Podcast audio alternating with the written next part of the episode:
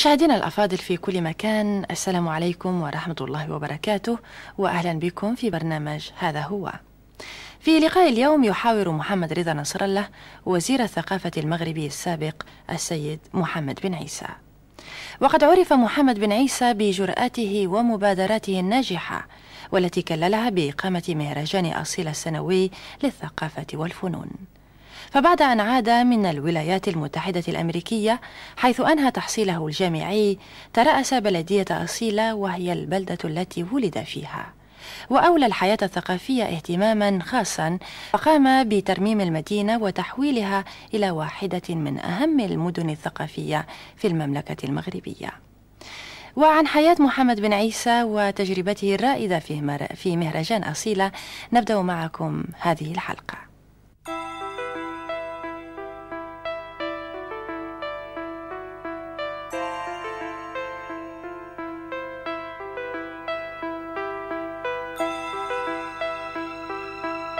ولدت وترعرعت كطفل في مدينة أصيلة في شمال المغرب.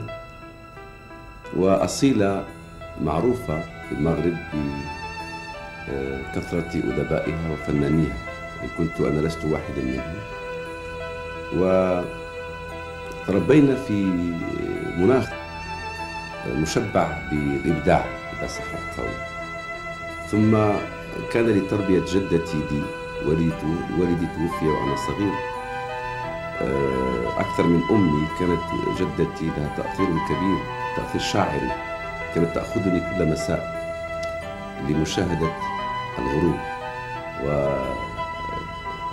والصيديون مغرمون بالغروب لدرجة أنه كما شاهدت هناك سور به نوافذ متعددة يشاهد فيه الناس غروب الشمس في المحيط الأطلسي كذلك آه، صديقي العزيز ورفيق حياتي كما أن رفيق حياته فنان تشكيلي معروف محمد المليحي بطبيعة الحال الاحتكاك يكون لدى الإنسان آه، بعض الأحاسيس يثقل بعض الجوانب في وجدان الإنسان وفي مشاعره. ومن ثم آه، بدأت وأنا صغير أميل إلى التمثيل. واشتغلت في المسرح منذ أن كان عمري 11 سنة.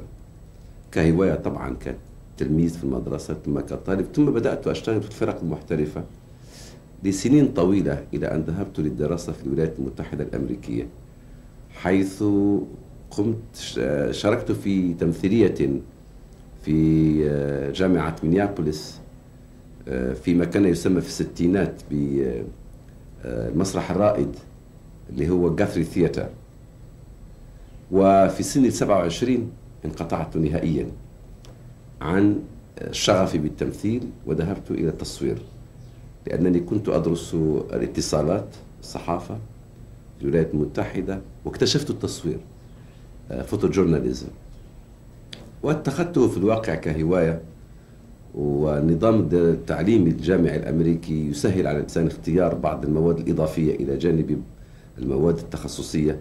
فكنت أخذت كماينر ك آه، اختصاص ثانوي إذا صح التعبير آه، الفنون.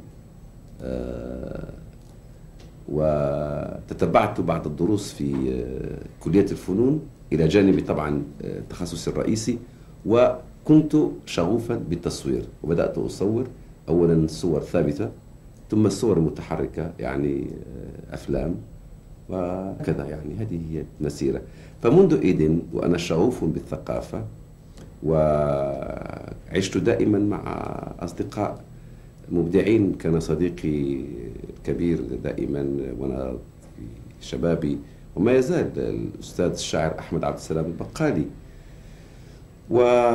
وكنا في القاهرة وكنت أقرأ كثيرا للأدباء. قرأت الرسالة من عددها الأول إلى عددها الأخير مثلا كنت أقرأ الآداب مجلة الأديب أولا ثم الآداب بتاعت سهيل إدريس فيما بعد. أه وأنا في السنة الأولى ثانوي كنت أقرأ للمنفلوطي وبعد ذلك لمصطفى صادق الرافعي وأحمد أمين. تعرف جيلي تربى في نوع من التراثية آه، التعليمية. كنا نقرأ لكتاب الثلاثينات والأربعينات الذين تركوا أثرا كبيرا فينا. آه، آه، ثم مروري بالولايات المتحدة الأمريكية. أيضا جدر في بعض السلوكات في القطاعات الثقافية تعرفت على مثقفين ومفكرين جدد. كنت أكتب طبيعة الحال قصة قصيرة وعملي في الصحافة ساقني إلى الاعتراف إلى التعرف على عدد كبير من المبدعين. كيف تشكلت فكرة أصيلة؟ ومتى؟ وماذا كان الباعث؟ ولماذا أعطيتها حيزا وافرا من وقتك حينما كنت وزيرا للثقافة؟ سأبدأ بالجانب الأخير من سؤالك. لم أعطي لأصيلة أكثر مما أعطيه في أي وقت آخر.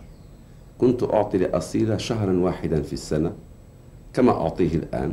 فيما عدا ذلك كنت أهتم بشؤون وزارة الثقافة كأي وزير. ورغم ذلك أيضا حينئذ كانوا يناهضونني بل يذهبون بعيدا يقولون إنني أستثمر كل أموال الوزارة في موسم أصيل الثقافي. علما أن الموسم بدأ سنة 1978 وأنا أصبحت وزيرا سنة 1985 وأنا الآن آه، مع زملائي ننظم موسما آخر وأنا لست وزيرا. سيدي أصيلة بدأت بعودتي المليحي وأنا محمد المليحي وأنا إلى المغرب سنة 77 76 أواخر 76 بداية 77 عدنا ووجدنا المغرب في منعطف هام ومصيري ومشرع ومنعطف ما بعد المسيرة الخضراء المضفة استرجاع الأقاليم الجنوبية في المملكة المغربية ما يسمى الآن بقضية الصحراء. وكذلك عدنا على أبواب انفتاح جديد في الحياة الديمقراطية وميثاق وطني جديد للجماعات المحلية. وديناميكية في التلاقي والحوار بين المؤسسات والتنظيمات السياسية في البلاد. في هذه الفترة بالضبط تقدمت مع المليحي إلى الانتخابات البلدية في أصيلة وكسبنا فقط مقعدين. ثم في المجلس البلدي بدأت تتبلور الفكرة العادية التي تتبلور عند كل واحد يعمل في مجلس جماعي وهو ما هو مصير هذه المدينة وما هي مواردها. واكتشفنا أن مواردها محدودة. وربما تعتبر ما سأقول لك رومانتيكيا ولكنه الواقع قلنا لماذا لم نستثمر الثقافة؟ كيف الثقافة؟ قلنا عن مدينتنا مدينة قديمة صغيرة آه، لها بعض الأساطير. وكذلك آه، لها بعض المفكرين بعض الناس لماذا لا نجعل من هذه الرقعة الأرضية الصغيرة مكانا للالتقاء والتحاور. كذلك آه، في البلدية آه، قلنا لنوظف الثقافة والفن كعامل من عوامل تحسيس المجتمع تجاه النظافة. تعرف مشكلة الأزبال مشكلة كبيرة لدى البلديات في العالم كله. أول مشكلة يواجهه رئيس مجلس بلدي هو كيف ينظف المدينة كيف يجمع الزبالة لمؤاخذة على الكلمة الفضلات. فهذه واجهتنا فاستقدمنا 11 فنانا تشكيليا من المغرب ودعوناهم لصباغة أعمالهم على جداريات بيضاء في المدينة.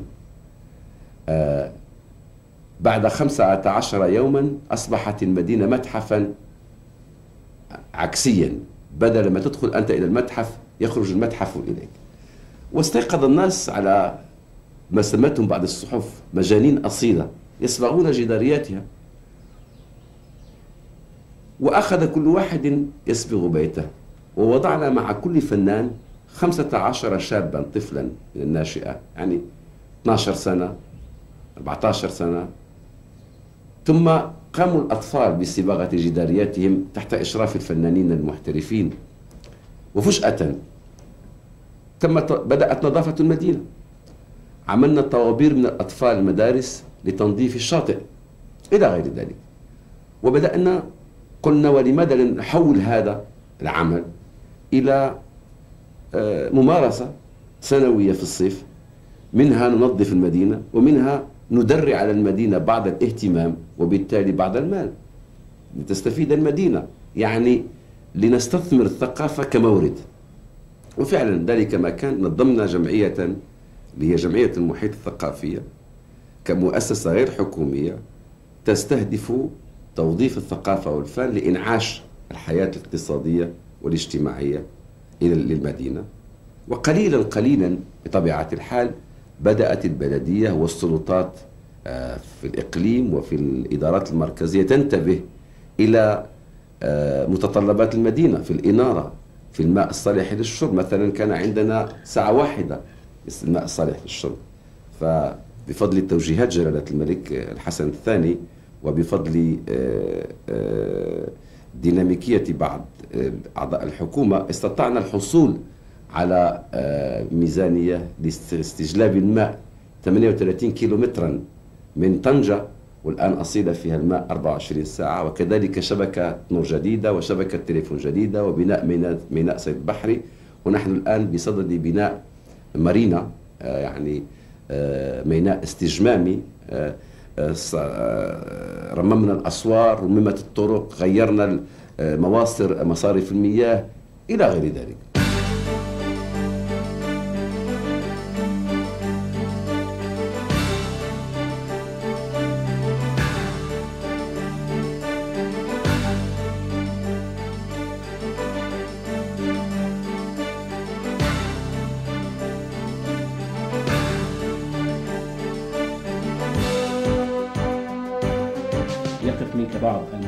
المثقفين المغاربة من ذوي الانتماءات الأيديولوجية. موقفا ما هناك مثلا من يقاطع بعض المشروعات التي ترعاها. أعتقد موقف بعض المثقفين المغاربة الذين يصنفون نفسهم لنقول لنسمي الأسماء بمسمياتها الأشياء بمسمياتها الذين يسمون يصنفون أنفسهم في اليسار. ربما آه، ما أخذهم علي هو أنني حينما عدت إلى المغرب بعد عمل طويل في نظام الأمم المتحدة آه، كنت أعارض وما زلت آه، الاحتكار الثقافي أو الحبوسية الثقافية. فتذكر أنه في السبعينات كان الموضة لجيل كامل أن يكون اشتراكيا. أو أن يكون ثوريا أو أن يكون شعبويا لأنه كانت كلمة الشعبي منذ قيام آه، ثورة موتسي تونغ حتى أنها كانت محظورة أحيانا في بعض القواميس لأنه كانت تخيف كلمة الشعبي أو الجماهيري. فحينما عدت أنا والأخ من ليحي وبدأنا تجربتنا الأولى في أصيلة سنة 78 قلنا هذه العبارة إن الثقافة والإبداع ليس وقفا على أي حزب وعلى أي إيديولوجية. وقلنا إن المفكر العظيم مفكر عظيم أيا كان مذهبه وأين كان موقعه. وإن الشاعر العظيم شاعر عظيم حيثما كان في اليمين أو في اليسار في الشمال أو في الجنوب. وأنه من الخزعبلات ومن السخافة بل من السذاجة أن نصنف الناس بدماءاتهم الحزبية حينما يتعلق الأمر بالإبداع. فهذا لم يعجب الكثيرين.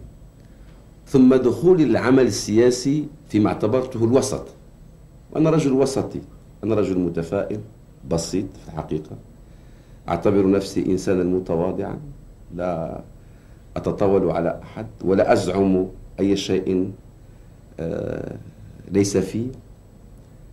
فلم يعجب هذا بعض الناس. ثم وهذا هو المهم أننا قمنا تماما بتحقيق ما كانوا يطالبون به دون أن نكون مثلهم. هذا أثار طائرة بعض الناس وكنت أقول لهم وما زلت أقول لهؤلاء الناس إذا لم تعجبكم أصيلة وكنت أقول ذلك في وزارة الثقافة إذا لم يعجبكم ما أقوم به تفضلوا وقوموا بشيء آخر.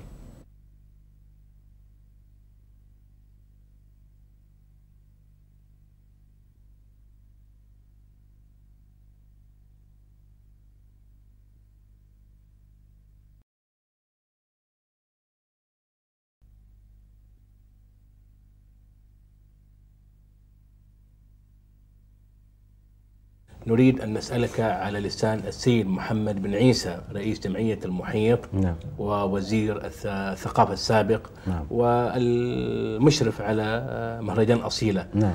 لماذا يغيب الأدباء والشعراء والمفكرون كثير منهم على الأقل عن مهرجانه مهرجان أصيلة المشكلة يعود أساسا إلى أن الفكرة طالما عبرت عنها أن الحركة الثقافية في المغرب كانت دائما من اقتراح قوى المعارضة.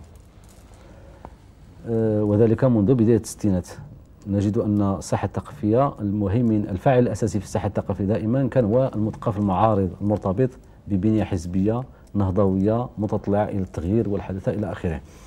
وجدنا فيما بعد أن الدولة في المغرب أسست وزارة الثقافة مع أنها كانت موجودة ولكنها كانت باهتة ووضعت على رأس هذه الوزارة آه، محمد بن عيسى المحمل بأفكار آه، وقع النظر إليها في في وقتها وكأنها أفكار جديدة.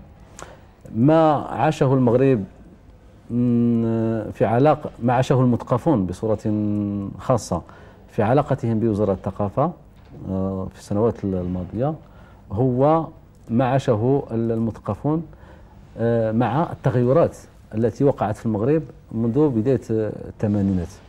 آه، نعلم أن آه، بالإضافة إلى وزارة الثقافة أن المغرب شهد ميلاد جمعيات كثيرة ثقافية كثيرة وغالبا ما كانت هذه الجمعيات ذات نفوذ كبير من حيث الإمكانيات والإعداد والتأطير إلى آخره.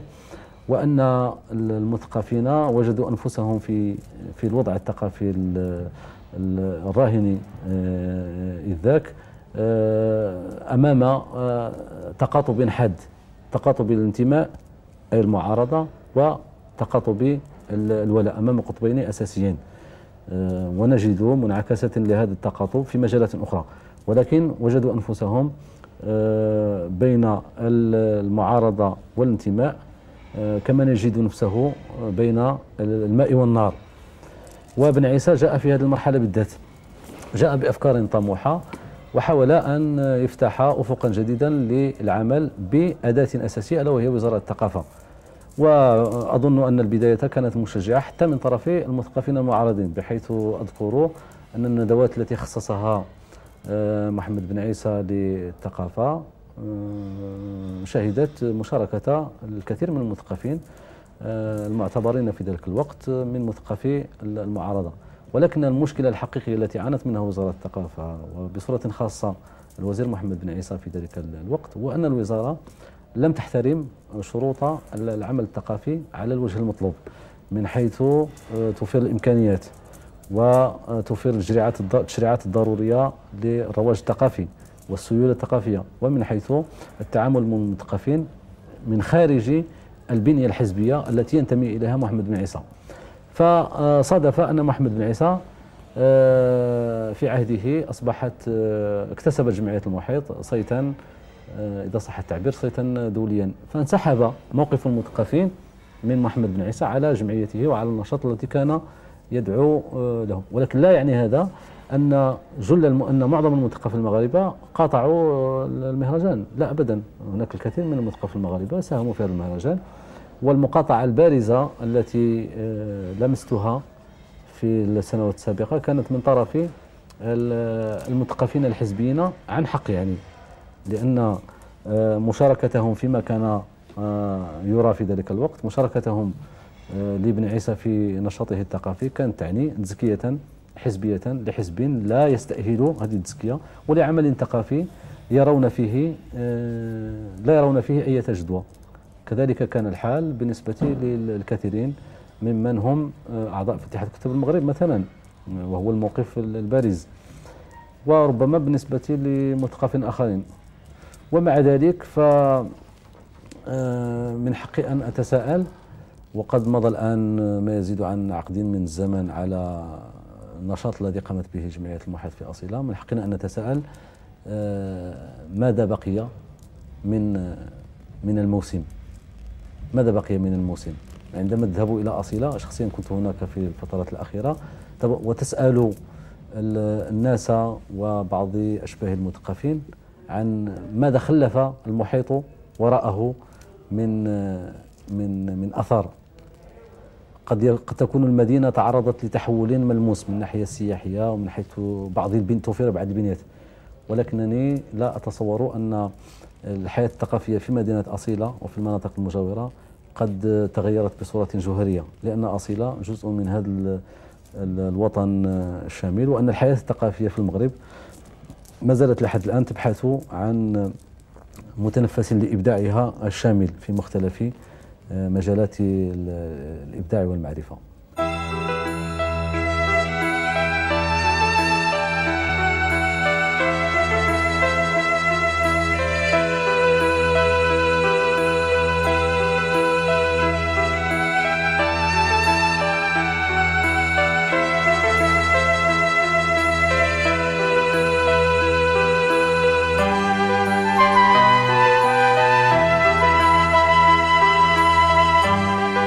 قضيت سنين عديدة على كرسي وزارة الثقافة في المملكة المغربية. ماذا أعطيت لهذه الوزارة وماذا أخذت منك؟ الكثير يقول بأن محمد بن عيسى أعطى لأصيلة اهتماما خاصا بينما هناك آفاق تستحق في المغرب أن يهتم بها. مثلا فاس. ومحاولة ترميمها مثلا والمحافظة على الملمح الآثاري الإسلامي العربي فيها كأنه لم يأخذ ما تستحق من نصيب رغم أن فاس هي الجامعة العلمية للمغرب. سيدي لنصحح الأمور قلت لك قبل الآن إن أصيلة بدأت سنة 1978 ولم أكن وزيرا. وترعرعت وكبرت وأنا لست وزيرا. ولم أدخل الوزارة إلا سنة 1985 وتركتها بعد سبع سنوات. هذه النقطة الأولى. ثانيا أنا كنت رئيس بلدية أصيلة وكنت نائبا عن أصيلة في مجلس النواب. وكان من الطبيعي بل من الضروري أن آه، أستجدي وأجلب لدائرة الانتخابية كما يفعل النواب في كل مكان ما يمكن استجلابه من مشارع من أموال إلى غير ذلك. كوني نجحت إلى حد ما في تصحيح بعض الأوضاع خاصة في الجوانب الهيكلية الارتكازية وأعني الانفراستراكشر هذا من حقي أولا. وثانيا من واجبي. من واجبي وإلا لن أكون مخلصا ولن أكون آه، آه، ذا مصداقية لدى الذين انتخبوني. الآن فيما يتعلق ماذا تحقق؟ ماذا أعطيت؟ أنا لم أعطي أي شيء للوزارة أو للثقافة. الثقافة اولا ليس آه، وعاء محجم. يمكن التعامل معه كما لو كان مربعا أو مستطيلا أو دائرة الثقافة. حينما كنت في وزارة الثقافة كنت أقول في مجلس النواب المغربي إن وزارة الثقافة ليست مصنعا للثقافة. وزارة الثقافة لا تكتب شعرا ولا تؤلف موسيقيات ولا آه، تصنع آه، مسرحيات. المواطن والمواطنة الفرد هو الذي ينتج. عمل الوزارة هو تأطير هؤلاء الأفراد. تقديم المساعدة لهم. وهذا أعتقد بكل التواضع قمت به في نطاق المستطاع بطبيعة الحال. أنت تعرف أن وزارات الثقافة في العالم وليس فقط في المغرب آه، مواردها قليلة. ومن الطبيعي خاصة في حكومات آه، العالم الجنوبي أو العالم النامي من الطبيعي أن ينصب اهتمام الحكومات على الجوانب الاستعجالية. الخبز أولا آه، الماء الاستثمار في المتطلبات الأساسية basic needs. الثقافة متطلب أساسي ولكنه آه، بغيره لا يموت الناس.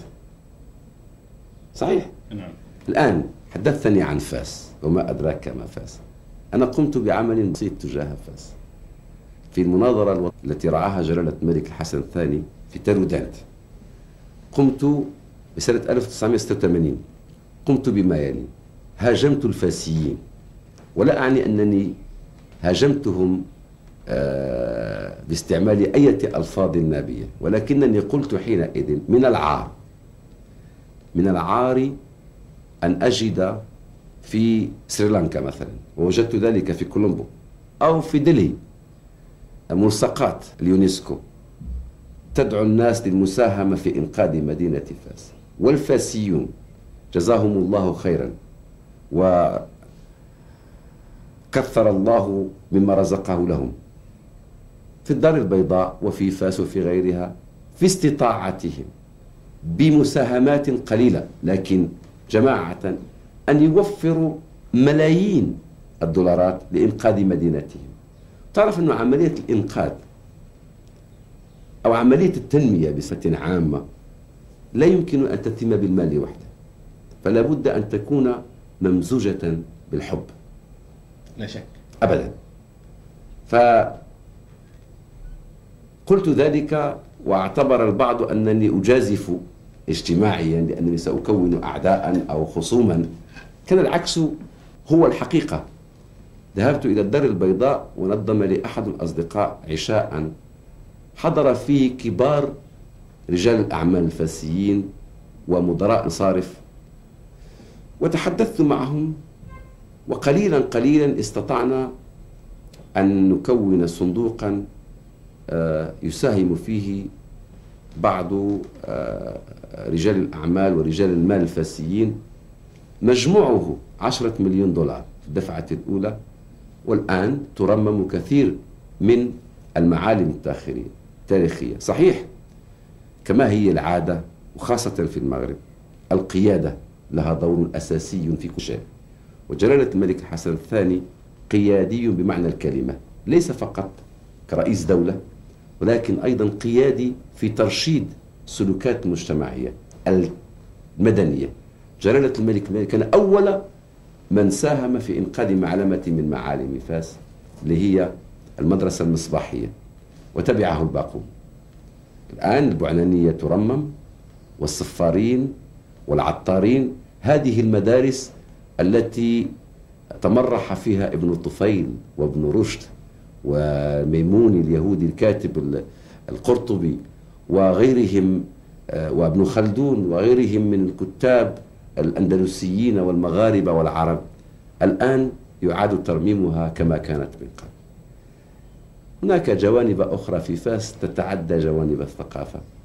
أنت تعرف أن مشكلة فاس هي مشكلة كثير من المدن في العالم التي هاجراها هاجرها أصحابها لاعتبارات عدة ودخل ليحتل مساكنها أناس آخرون ليست لهم نفس القيم. ونفس السلوكات فكان من الطبيعي أن يكون هناك بعض التردي اجتماعيا التكدس والتردي كذلك في الظروف نوعية الحياة. أنا لا أتكلم عن الخبز نوعية الحياة the quality of life ده مهم. فابن المدينة ليس ابن القرية. أنا لا أقول إنه أحسن من ابن القرية إنما ابن المدينة له سلوك urban. يعني آه، آه، متمدين. وابن القرية له سلوك رائع أيضا لكن سلوك الزراعي أو الأجريري سلوك زراعي. ولكل قيمه. أنت إذا أتيت من المدينة ليسكن في القرية يبوظها كما يقول المصريون. صحيح؟ آه، لو أردنا أن آه، ندخل إلى المزاج التذوقي لمحمد بن عيسى من يطربه مثلا؟ هل الموسيقى الغربية؟ بصفته دارسا في أمريكا. أم آه، الموسيقى الشرقية بصفته دارسا للعربية في القاهرة. أم يستمتع مثلا أو يطرب للملحون المغربي. والموسيقى تعرف مثل مزاج الإنسان. أنت في يومك الواحد قد تعجبك موسيقى في الصباح وتستمتع بموسيقى أخرى مخالفة في المساء وتنام على نغم آخر بالليل. كذلك في في عبور الإنسان في حياته الإنسان في سن العشرين ليس هو الإنسان في سن الأربعين والإنسان في سن الستين ليس هو سن الإنسان في الأربعين. في سن الآن يعني في حياتي وانشغالاتي أنا الآن أعمل في حقل آخر. أستمتع بالموسيقى الكلاسيكية كثيرا.